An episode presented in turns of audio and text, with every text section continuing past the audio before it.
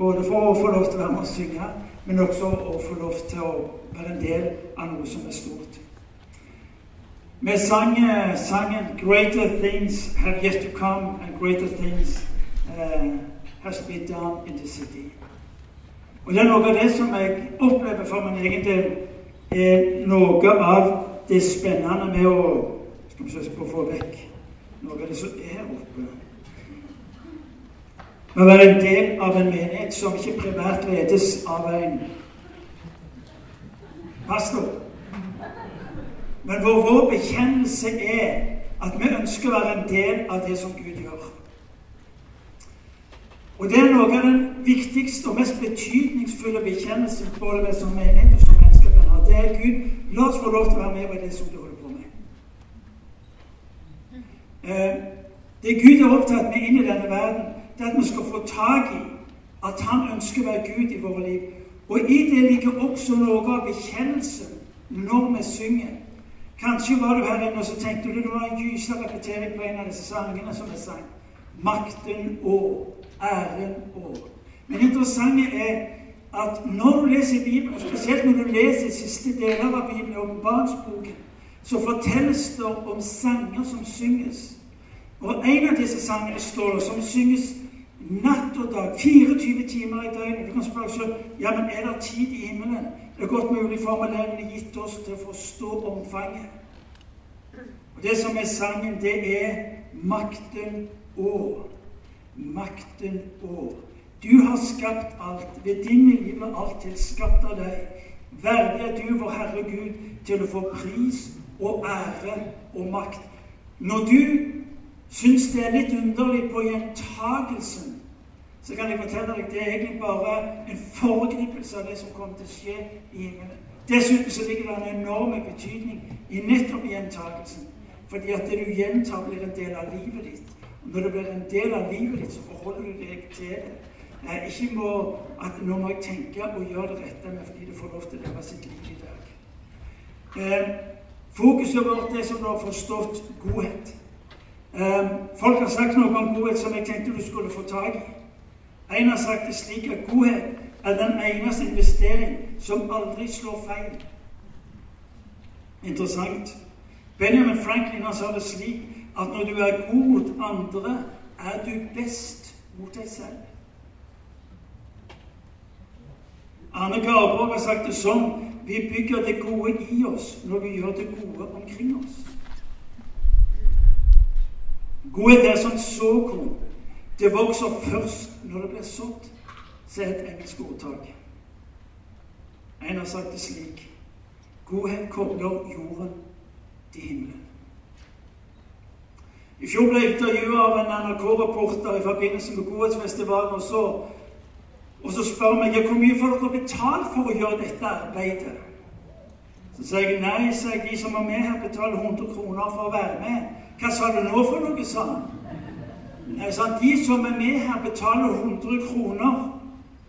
Ja, betaler Mener du å si at de betaler for å være med? Altså, de ofrer rett og slett. Ja, det er faktisk det vi gjør. Du skjønner, det, det er faktisk sånn Kirka er tenkt å være i denne verden. Kirka er bærende av et grunnleggende DNA, nemlig godheten. Det fortelles om Jesus i Apostels gjerning kapittel 10, vers 38.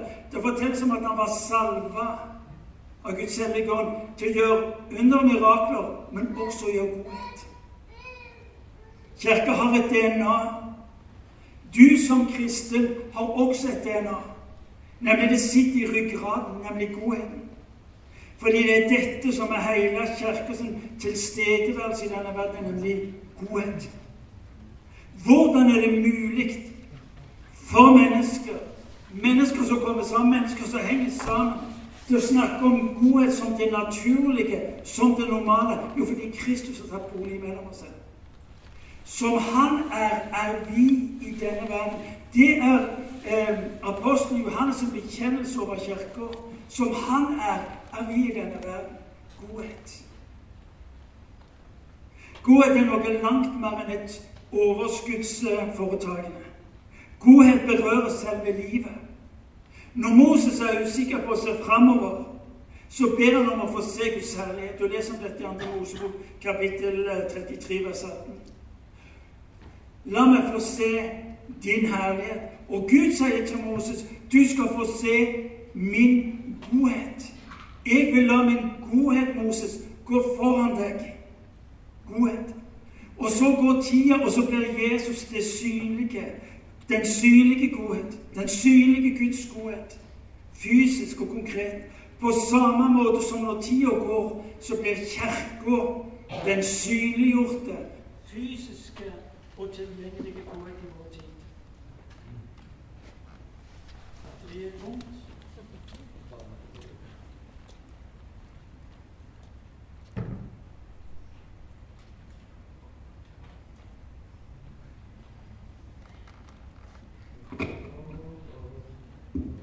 Det er ikke verst når det rette folka så kjapt. Vi må gi ham en skikkelig klapp.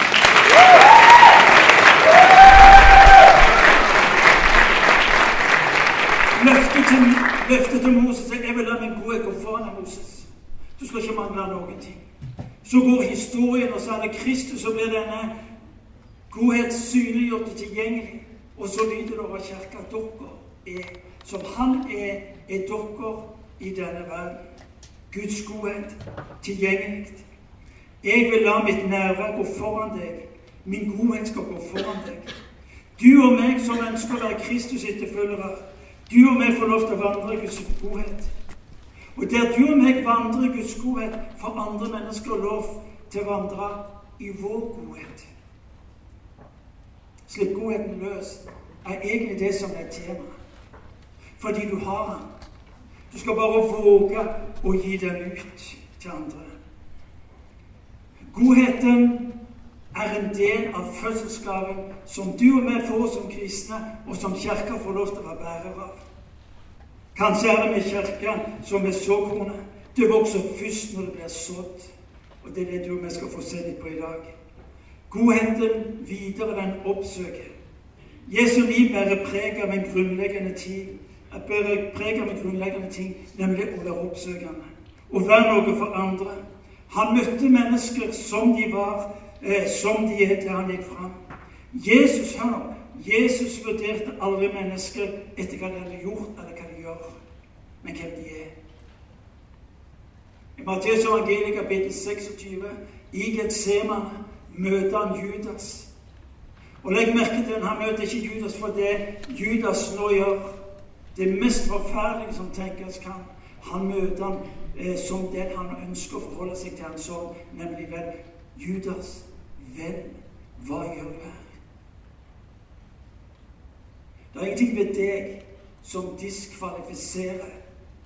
Han ser på deg og meg som de som er betalt en høy pris for, og som han elsker å være nærheten av. Godheten er oppsøkende. Ikke for de som fortjener det. ikke sorterende, hvem var det Jesus møtte? Hvem var det som ble tiltrykket av ham? Hvem var det som gikk etter ham? Det var ikke snakk om å være rik eller fattig. Det var synderne. Godheten er oppsøkende. Godheten er den som ønsker å omfavne. Jeg vet ikke hva ditt liv er, jeg vet ikke hva din historie er. Men det vil jeg du skal få tak i at når, når Imi-kirka snakker om godhet, så tar den ikke primært utgangspunkt i hva Imikirka har funnet på. Den tar utgangspunkt i en Gud som er i bevegelse mot deg og mot meg. En Gud som ikke sorterer. En Gud som ikke er opptatt primært for å holde deg ansvarlig for den fortid. Den, den har jeg tilgitt. Kom til meg med en fortid, og la meg få lov til å tilgi. Det er det han sier til deg. Men det er aldri din fortid som er ditt problem. Men det er ditt forhold til Jesus Kristus. Det er aldri hva du har i din historie, som er ditt problem, men det er ditt forhold til Jesus Kristus. Godhet er primært et spørsmål om Jesus. Vi sa noe om at godhet kobler jorda til himmelen. Godhet søker opp. Hvem er den søker opp? Hvorfor er det ikke så viktig? Hvorfor er det så viktig? Fordi at det slår meg igjen igjen når vi har levd i dette med godhetsdimensjonen gjennom mange år. Godhet handler ikke først og fremst om deg og meg, men den handler om Jesus. For det er ut ifra det livet noen av oss våger å bevege oss mot andre mennesker. Denne godheten som søker opp Jeg går nesten på ikke de såkalt vellykka, eller de som sliter litt med livet sitt. De eh, som er halvsyndere. De med misliker. Nei, hør nå. Guds godhet søker opp de vi misliker. Guds godhet gjelder de vi omtaler som vanskelige. Guds godhet søker å omfavne de som ikke passer inn i vår omgangskrets. Det er som om Gud tar oss inn i en måte å tenke på som er så totalt annerledes. I Gamle testamentet så lød det øye for øye, tann for tann. Jesus løfter hele godhetslivet eh, til et nytt nivå. Hva han sier for noe i Matteus evangeliet, kapittel 5, vers 43. Fascinerende. Matteus kapittel 5, vers 43. Her sier han du skal elske din neste og hate din fiende. Men jeg sier dere, elsk fiendene deres. Hvem er det, hvem er det godheten går imot? og går imot fiendene, sier han. Gjør godt mot de som hater dere. Hvem er det godheten skal få lov til å gå imot? Den skal få lov til å gå imot de som hater oss. Hvem er det godheten skal gå imot? Jo, det er de som mishandler og forfølger oss.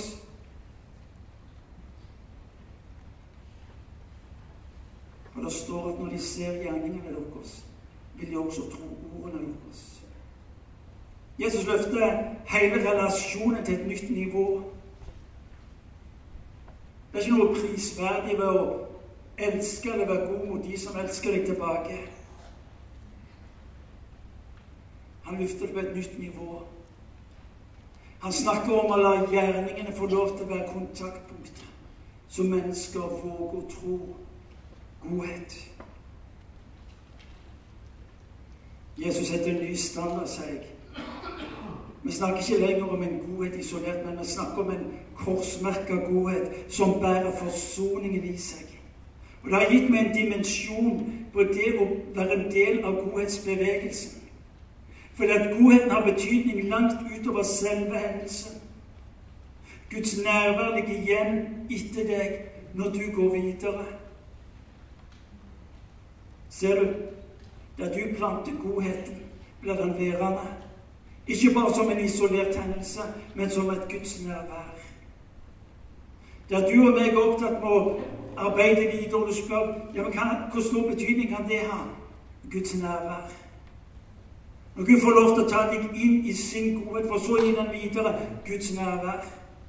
Ikke bare en isolert hendelse, men Guds nærvær. Alle mennesker, alle typer mennesker. Guds godhet oppsøker. Men godhet forvandler også.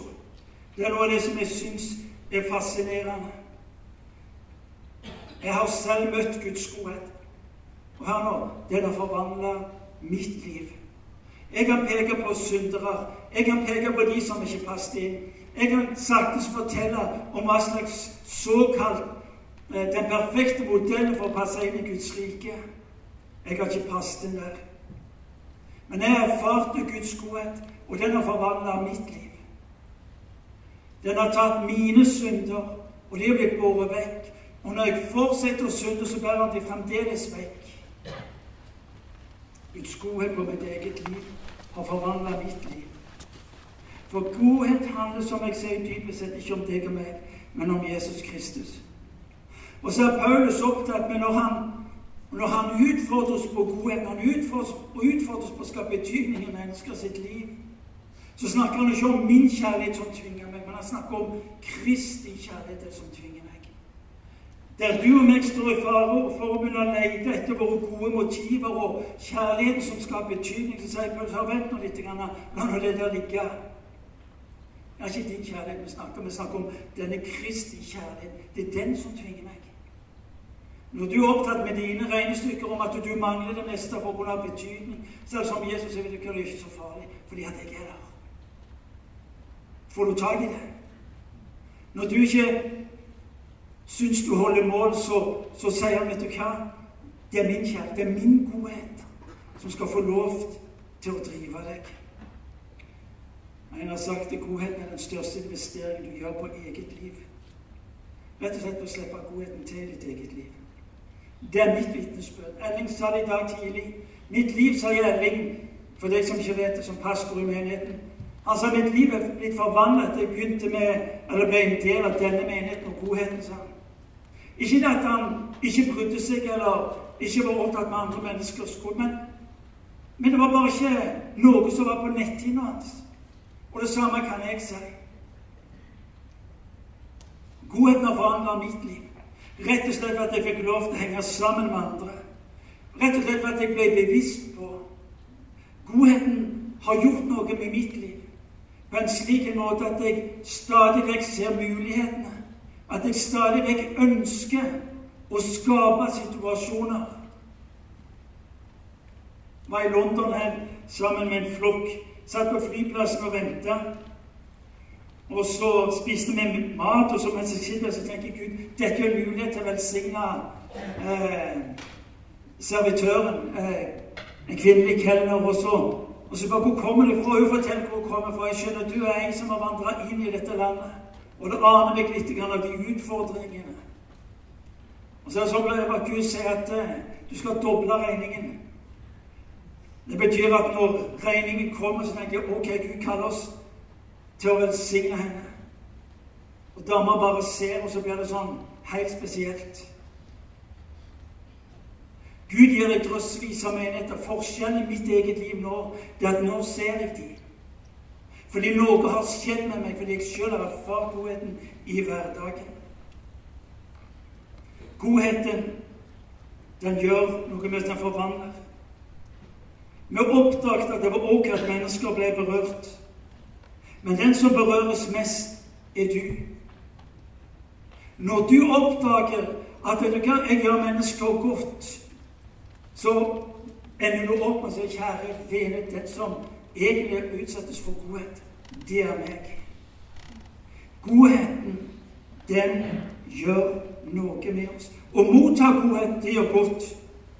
Men å gjøre godheten, den forvandler. En gang til. Å motta godhet, det gjør godt. Men å gjøre godhet, det forvandler. Det gir deg nye øyne, sier jeg, å se. Det gir deg nye krefter. Det gir deg et nytt hjerte.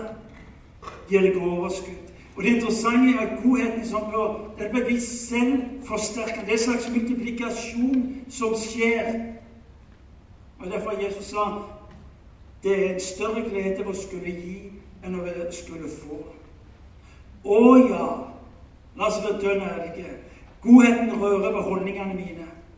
Den utfordrer komforten i mitt eget liv. Den utfordrer makeligheten. Den utfordrer mitt interessefelt, tida og penger. Ja, hvis jeg har tid, så skal jeg gjøre det. Hvis jeg har penger, så skal jeg gjøre det.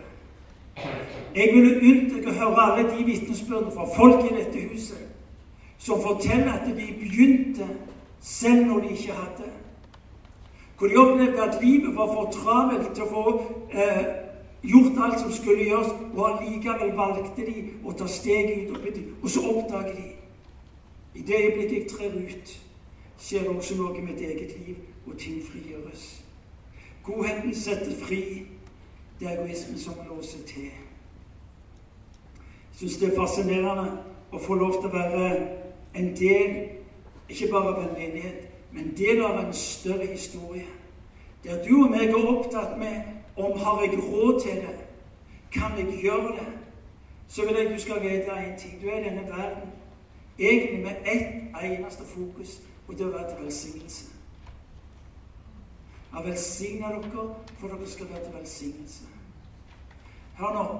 Hvis du driver på og planlegger at når jeg får nok tid når jeg får nok penger, når jeg får nok, nok, nok, så vil du aldri få nok, nok, nok. Det er nesten som jeg kjenner på når jeg sjøl utfordres på prioriteringene mine.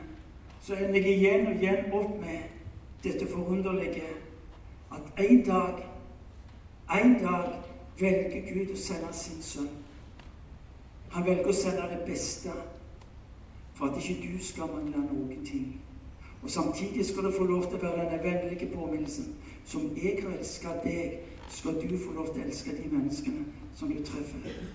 Hør, godhet er noe langt mer enn å avhjelpe mennesker med små, såkalte ubetydelige behov. Godhet å skape et kontaktpunkt mellom jorda og himmelen.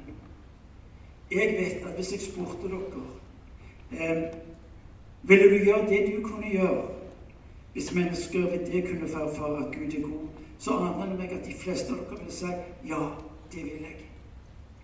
Vet du hva det starter? Det starter med de små tingene gjort i kjærlighet. Det er det som forandrer verden. Det er det som forandrer verden. Godhet gir glede. Godhet gir håp.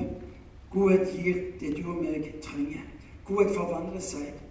Men godhet må også velges. Det skjer ikke.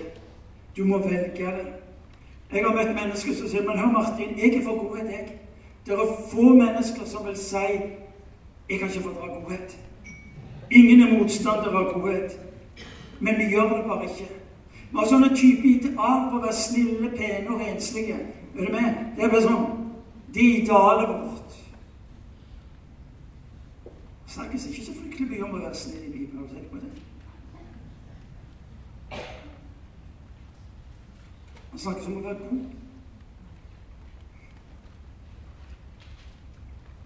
Ofte ser vi etter det såkalt store betydningsfulle. Og så skjer det ikke. Vi får ikke de store åpenbaringer, og så dropper vi det. Tannlegen min I morgen på tirsdag så åpner hun praksisen for at mennesker som ikke har pengene til å gå til tannlegen, skal få lov til å bli behandla. Ja, men hva betyr det? Ja, for de som ikke har noe, betyr det fryktelig mye. Dere har hørt meg si det før. Faren som kom til meg, som fortalte meg om du hadde bare visst hvor det smerter meg som far å se at sønnen min ikke har penger til det mest, mest nødvendige. Eller dame som fikk time hos frisøren. Har ikke vært hos frisøren på fire år og grein av gleden å komme ut i frisørsalongen. Her, det er de små tingene som forandrer verden. Et eksempel jeg hadde utenfor hytta en svær Og Når jeg sier svær så var det en svær. Det var cirka Er du med? Du ser steinen for deg, og jeg tenkte hvordan i all verden skal jeg få fjerna den? Og så fikk jeg ideen. Jeg begynte å grave løs de små steinene rundt den store. Begynte bare å grave rundt, fjerne de små steinene hele veien. Og til slutt så bare Kakene skikkelig spark, og så trilla han ned, så landa han akkurat det jeg skulle ønske han. Men det starter med de små steinene.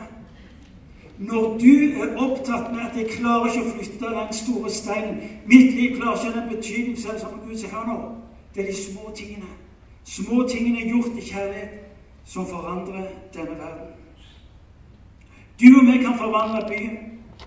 Jeg vet ikke om du ser det. Ofte så bekjenner jeg meg for få vi får det ikke til. Det interessante er at ett snøfnugg er det ikke noe som tar noe til sak. Men kommer det mange snøfnugg, så lammer det et helt samfunn. Jeg vil at du skal se for deg at når du i ditt hverdagsliv er opptatt med godhet, så det som snøfnuggene som, som, faller ned, og som sakte, men sikkert over tid samles opp, slik at folk blir oppmerksom på Hei, her er noe som skjer. Du skal ikke forakte det lille, for det er nettopp det lille som forandrer byene. Godhet. En annen ting som vi har behov for å minne oss sjøl på ikke vent på rett motivasjon. Folk spør hva slags holdninger har dere for å gjøre det. La meg være veldig tydelige. Gud interesserer seg ikke så fryktelig mye for dine motiver for å være god. Han er mest av alt opptatt av at du gjør det. Ja, var det en som sa ja, men jeg kan jo ha et egoistisk motiv for å gjøre det. Ja, Det betyr ikke så fryktelig mye for den som opplever godheten. Gå ikke rundt og vent og planlegg til motivene dine eller holdningene dine er på rett plass. Hør nå, Det er ikke det som betyr noe. Det som betyr noe, det er at du gjør det. Ikke parker i det som måtte være svakheten i ditt liv. Ikke parker i det som du skulle ønske var annerledes. Det viktigste er at godheten har betydning i andre menneskers liv. Hør nå godhet velges. Du må bestemme deg for. Det er ikke slik at tingene kommer som en følelse og en god stemning. Jeg holdt nesten på å si I en periode så skrev jeg i min egen kalender godhet. Hver dag under og godhet. Slik at jeg skulle bli minnet på det. Slik at jeg skulle være bevisst på det. Slik at jeg skulle handle på det. For det er nemlig det som er greia. Det du fokuserer på, det er også det du gjør. Det du fokuserer på, blir utgangspunktet for dine valg. Noen sier ja, men her Martin, det er ikke naturlig for meg å være god. Jo, jeg er snill for alt i verden, men, men det å skulle gjøre noe, det er ikke naturlig for meg. Nei, alle nye ting er unaturlig. Dere forstår meg. Alle nye ting er unaturlig fordi vi ikke er vant, med å skulle gjøre det. Bevisstheten er selve nøkkelen. Bevisstheten på å ville velsigne. Du står opp om morgenen, og du har et spørsmål Gud, hvem kan jeg få lov til å vise godhet overfor i dag? Hvem av mine kolleger er det som trenger det? Hvem av mine studiekamerater er som trenger det? Hvem i familien er det? Hvem av mine naboer? Gud, hjelp meg å se som du ser, og handle som du handler. Og i det øyeblikk du noterer det i kalenderen din, du ber om å få lov til å være Jeg skal garantere deg du ser helt nye ting. Der ligger nøkkelen. Det er det folket lengter etter. Vi ser i dag en voksende grad av utfordringer i samfunnet vårt. For mye av dette tror jeg vi kan koke det ned til. Tenk ensomheten. Ensomhet som går på at uh, vi ikke ser. Fortalte beretninger fra en tid tilbake. Jeg utfordra en, en som bor i til å være med på godhet. Han hadde ikke tid jobben hans. Han bodde i uh, Sandnes. Så det hele ble litt krøkkete. Han fikk det ikke til. Men samtalen jeg hadde med han, forteller han senere, førte til at en dag han gikk av bussen, så er det ei dame foran han som går bærer på to, to svære bærebåser med mat. Så går han bort til henne og sier du, skal jeg hjelpe deg med å bære det hjem? Hun ser på han, og så tar hun sjansen og sier ja, det, det er greit. Og så ber han de hjem, og så kommer han opp, og så og i leiligheten hans så spør jeg vil ikke ha en kopp kaffe, og så har de en prat, og så Og så skjønner han jo at eh, noe skjer med dama, og noe skjer med han. En måned senere tenker jeg må jeg gå tilbake inn til den dama, og så må jeg se hvordan hun har det. Det starter med en bevissthet på og ville bety noe. Å bære to bæreposer opp i en leilighet gir et menneske en opplevelse av å bli sett. Små ting gjort i kjærlighet forandrer verden. Det du blir bevisst på, det du handler på, det blir til slutt en vane i livet, i livet ditt. Derfor blir godhetsfestivalen så viktig. Den gir oss nemlig erfaringer som du og vi kan eh, la bli vane i vår, vaner i våre liv. Kultur i eget liv, vil vi si. Vi skal begynne å ute. Ofte så tenker vi på godhet. Ja, men det er det jeg gjør i kirka. Jo, det er riktig, det er det du gjør i kirka. Men alt kirka gjør, er godhet. Det vi nå snakker om, det er godhet i hverdagen. Det er alle de timene som du ikke er i kirka, eller er involvert i den tjenesten du har i kirka. Godhet er det livet. Det er faktisk livsstilen. Godhet er ikke primært det jeg gjør, men det jeg vil være overfor mennesker som jeg treffer. Jesu liv var preg av de stadige avbrytelsene. Hverdagen. Han er trøtt. Han, jeg vet ikke om han var uopplagt, men han sitter der ved, ved brønnen i Johans evangeliet, kapittel 4, og møter ei dame som de færreste ønsker å treffe. Han lar seg avbryte. Han lar seg forstyrre. Ikke ved at hun sa noe til han, men ved at han tok et steg mot henne, og ved det trakk henne inn i livet. Kvinnen med blodsykdommen. Jesus er på vei. Han er travelt opptatt. Han skal helbrede en liten jentunge som er alvorlig syk. Han har fokus, han vet hva han er opptatt med. Og underveis er det et menneske som tar tak i ham. Han stopper og sier, 'Hei, hva skjedde nå?' Og så snur han seg imot et menneske, og så rekker han henne ikke bare helbredelse, men også livet. Jesus lot seg avbryte på de unødvendige tingene. Jesus er i bryllup. Det går tom for vin. De hadde hatt nok vin. Bryllupene varer lenge i Midtøsten. Svært lenge. De hadde drukket vel og godt i lang tid. Det var unødvendig med mer vin. Noen av oss ville sagt at uh, Nei, det ville vi. Det var i hvert fall ikke nødvendig. Og Var det noe allmaktens Gud definitivt ikke trengte å bry seg med, så var det å sørge for at vinnivået steg i dette bryllupet. Om du kan få tak i det. Allmaktens Gud lar seg stoppe. Han lar seg forstyrre med såkalt viktige ting, men også såkalt unødvendige ting. Godhet er har for meg blitt dette her forunderlig at vi tas inn i å se og tenke annerledes. Vi er fri for sorteringen av hva som er viktig, hva som er unødvendig.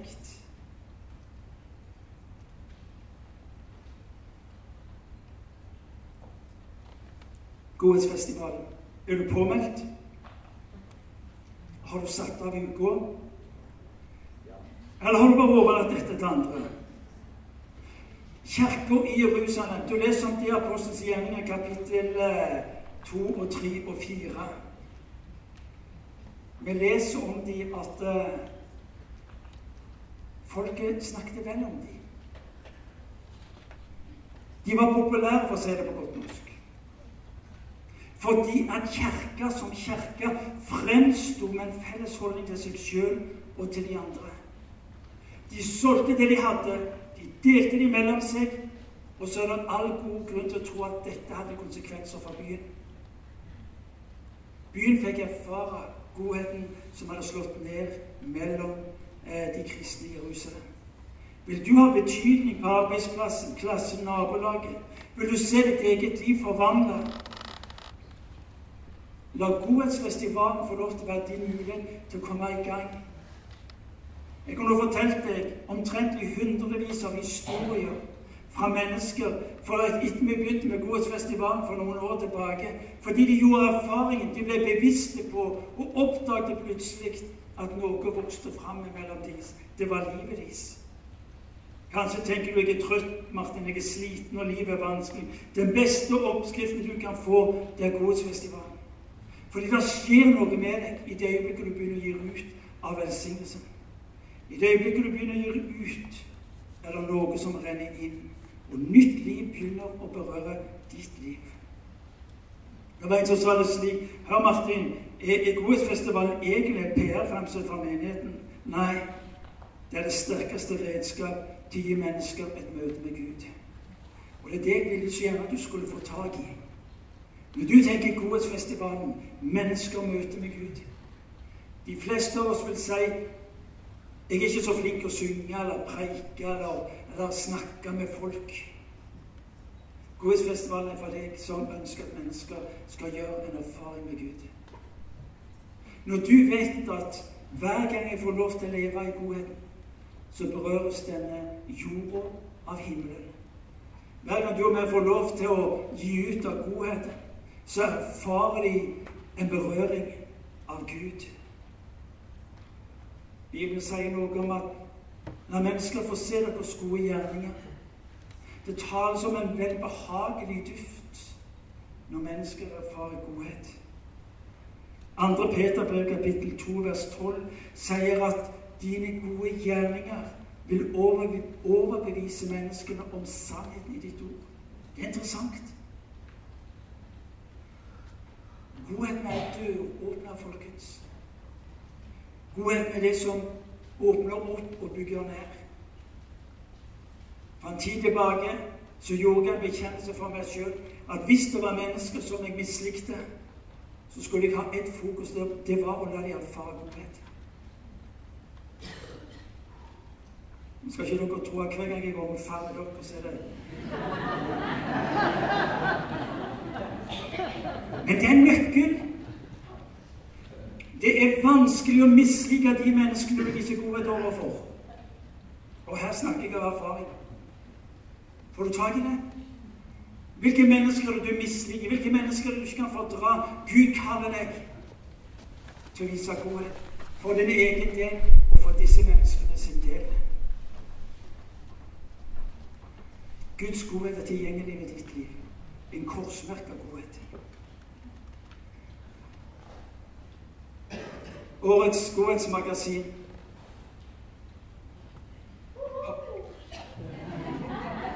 Årets godhetsmagasin har et fokus godhet når det gjør vondt. Når livet ikke er på plass, når livet synes å være vanskelig og forferdelig smertefullt. Det er et uhyre eh, bra eh, nummer i år. Hvor mennesker har vært ærlige på livet sine, og så forteller de om hva det betyr når mennesker vågte å trå de nær med godhet. Espen Sandvik bror til Marianne, Marianne Sandvik, som ble drept på Utøya. Han forteller at eh, ikke spør, bare gjør det. Han forteller om de menneskene som sa de var til disposisjon og de trengte hjelp. Artikkelen forteller noe om de som sa du kan regne med oss når du trenger oss. Og så sier Espen Sandvik jeg skjønner jo godheten i det hele, men, men det hele blir så umulig for meg hvis det ikke hva vi trengte. Bare gjør det, sier. Når du møter mennesker som opplever det vanskelig, bare gjør det. Når du ser mulighet, bare gjør det. Bare gjør det. Godheten har egentlig bare én en eneste oppfordring knytta til seg til bare gjør det. Ja, det passende, ikke bry deg, bare gjør det. Ja, men er det rett, bare gjør det. Og så blir Godhetsfestivalen en mulighet for deg og meg til å leve ut. Når Kirka rekker fram godhet, sa jeg, så er det en korsmerka godhet. Det er et møte med Jesus. Et sted hvor jorda får et møte med himmelen. Hver gang. La oss be. Herre Jesus Kristus, takk fordi at du en dag sto opp og hadde meg og alle som i dette rommet, og alle mennesker, som fokus for at de skulle erfare din godhet. Herre, du så all motstand, du så all ulydighet. Du så alt det som skulle vært annerledes, men det var ikke en del av ditt regnestykke. Herre, du, deg, du, du senker deg her inn i denne verden. Så nært og så tilgjengelig at ikke noe menneske skal gå klar deg selv. Og det er det vi ber om, far. Det er det vi ber om for Godhetsfestivalen som kommer i neste uke. Herre, det er det som vi ber om for den enkelte av oss ved våre liv. Herre, la oss få lov til, der hvor vi lever vårt liv, til å være deg i denne verden, slik som du er på en slik måte. Slik at godheten, Herre, er tilgjengelig for alle mennesker. Ber du skal berøre øynene våre, Gud, så vi ser som du ser. Jeg ber for at du skal legge Herre, ned i våre liv en frimodighet på det lille, Herre, som vi mener vi har som vi ser, som vi forstår, at ved det erfarer mennesker din nåde og din godhet. Herre, jeg ber om din velsignelse over den enkelte av oss som er her nå. At vi skulle få lov, Herre Jesus, til å se denne byen forvandla, rett og slett. Og at din godhet, den sterkeste kraften, Herre, som menigheten er gitt, disse menneskeliv forvandla Herre, vi tilber deg med opphøyet navn. Du er god. Amen.